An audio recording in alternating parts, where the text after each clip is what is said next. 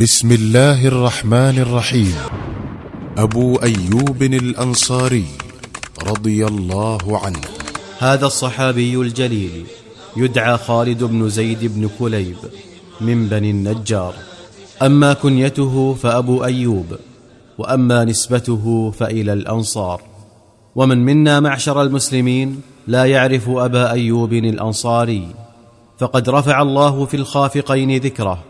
وأعلى في الأنام قدره حين اختار بيته من دون بيوت المسلمين جميعا لينزل فيه النبي الكريم لما حل في المدينة مهاجرا وحسبه بذلك فخرا. ولنزول الرسول صلوات الله وسلامه عليه في بيت أبي أيوب قصة يحلو تردادها ويلذ تكرارها. ذلك أن النبي عليه الصلاة والسلام حين بلغ المدينة تلقته أفئدة أهلها بأكرم ما يتلقى به وافد وتطلعت إليه عيونهم تبثه شوق الحبيب إلى حبيبه وفتحوا له قلوبهم ليحل منها في السويداء وأشرعوا له أبواب بيوتهم لينزل فيها أعز منزل. لكن الرسول صلوات الله وسلامه عليه قضى في قباء من ضواحي المدينة أياما أربعة. بنى خلالها مسجده الذي هو أول مسجد أسس على التقوى. ثم خرج منها راكبا ناقته فوقف سادات يثرب في طريقها. كل يريد أن يظفر بشرف نزول رسول الله صلى الله عليه وسلم في بيته. وكانوا يعترضون الناقة سيدا إثر سيد ويقولون أقم عندنا يا رسول الله في العدد والعدد والمنعة. فيقول لهم دعوها فإنها مأمورة. وتظل الناقة تمضي إلى غايتها تتبعها العيون وتحف بها القلوب. فإذا جازت منزلا حزن أهله وأصابهم اليأس. بينما يشرق الأمل في نفوس من يليهم. وما زالت الناقة على حالها هذه والناس يمضون في إثرها. وهم يتلهفون شوقا لمعرفة السعيد المحظوظ حتى بلغت ساحة خلاء أمام بيت أبي أيوب الأنصاري وبركت فيها. لكن الرسول عليه الصلاة والسلام لم ينزل عنها فما لبثت أن وثبت وانطلقت تمشي والرسول مرخ لها زمامها ثم ما لبثت أن عادت أدراجها وبركت في مبركها الأول. عند ذلك غمرت الفرحة فؤاد أبي أيوب الأنصاري وبادر إلى رسول الله صلوات الله وسلامه عليه يرحب به وحمل متاعه بين يديه وكأنما يحمل كنوز الدنيا كلها ومضى به إلى بيته. كان منزل أبي أيوب يتألف من طبقة فوقها علية فأخلى العلية من متاعه ومتاع أهله لينزل فيها رسول الله. لكن النبي عليه الصلاة والسلام آثر عليها الطبقة السفلى فامتثل أبو أيوب لأمره وأنزله حيث أحب.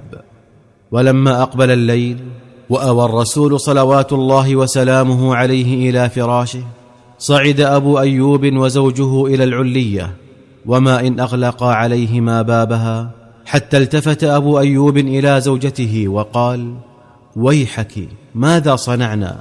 أيكون رسول الله صلى الله عليه وسلم أسفل ونحن أعلى منه؟ أنمشي فوق رسول الله صلى الله عليه وسلم؟ أنصير بين النبي والوحي؟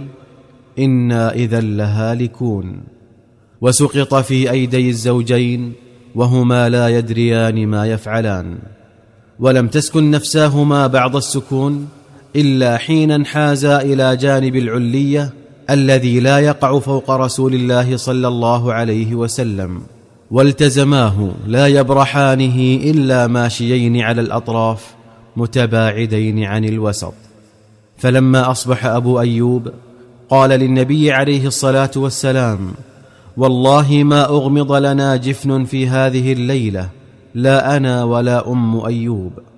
فقال عليه الصلاة والسلام ومم ذاك يا أبا أيوب؟ قال ذكرت أني على ظهر بيت أنت تحته وأني إذا تحركت تناثر عليك الغبار فآذاك ثم إني غدوت بينك وبين الوحي.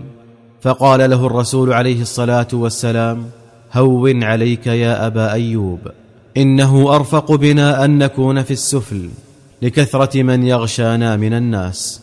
قال أبو أيوب فامتثلت لأمر رسول الله صلى الله عليه وسلم إلى أن كانت ليلة باردة فانكسرت لنا جرة وأريق ماؤها في العلية.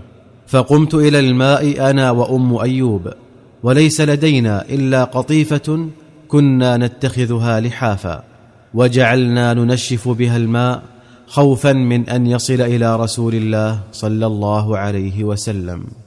فلما كان الصباح غدوت على الرسول صلوات الله وسلامه عليه وقلت بأبي أنت وأمي إني أكره أن أكون فوقك وأن تكون أسفل مني. ثم قصصت عليه خبر الجرة فاستجاب لي وصعد إلى العلية ونزلت أنا وأم أيوب إلى السفل. أقام النبي عليه الصلاة والسلام في بيت أبي أيوب نحوا من سبعة أشهر. حتى تم بناء مسجده في الأرض الخلاء التي بركت فيها الناقة.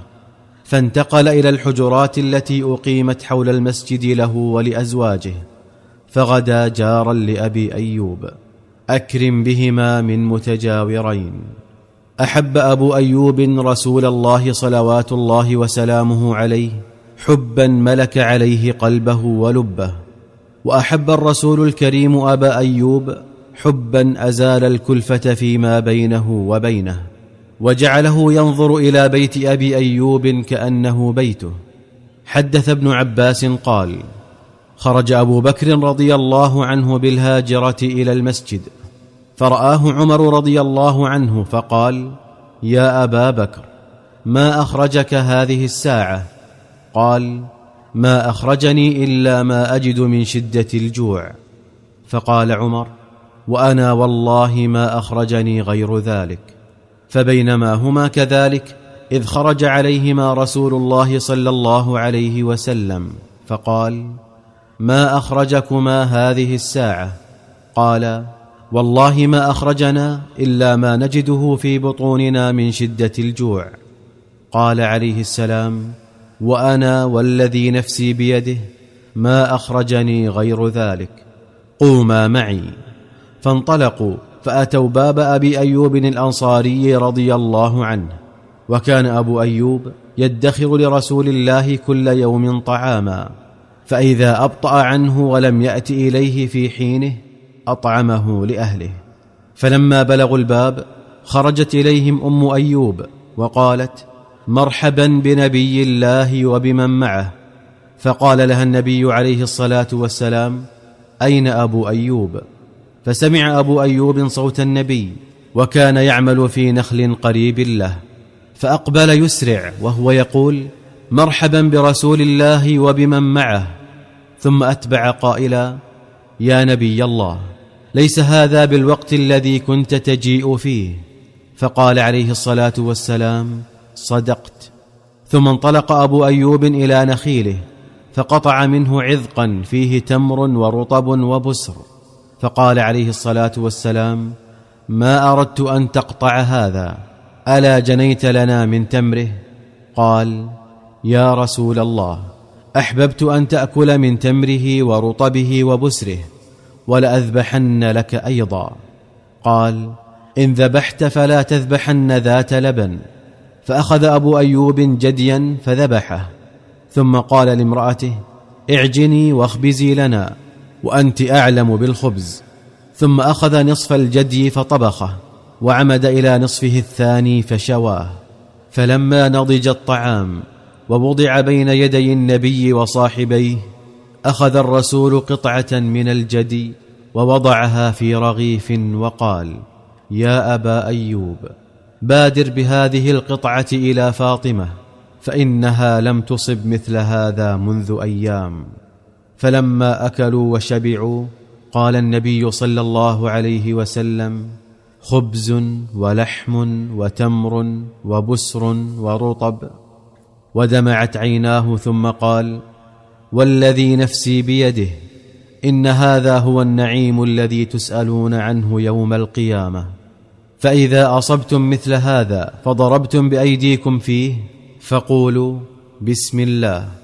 فإذا شبعتم فقولوا الحمد لله الذي هو أشبعنا وأنعم علينا فأفضل. ثم نهض الرسول صلوات الله وسلامه عليه وقال لأبي أيوب ائتنا غدا.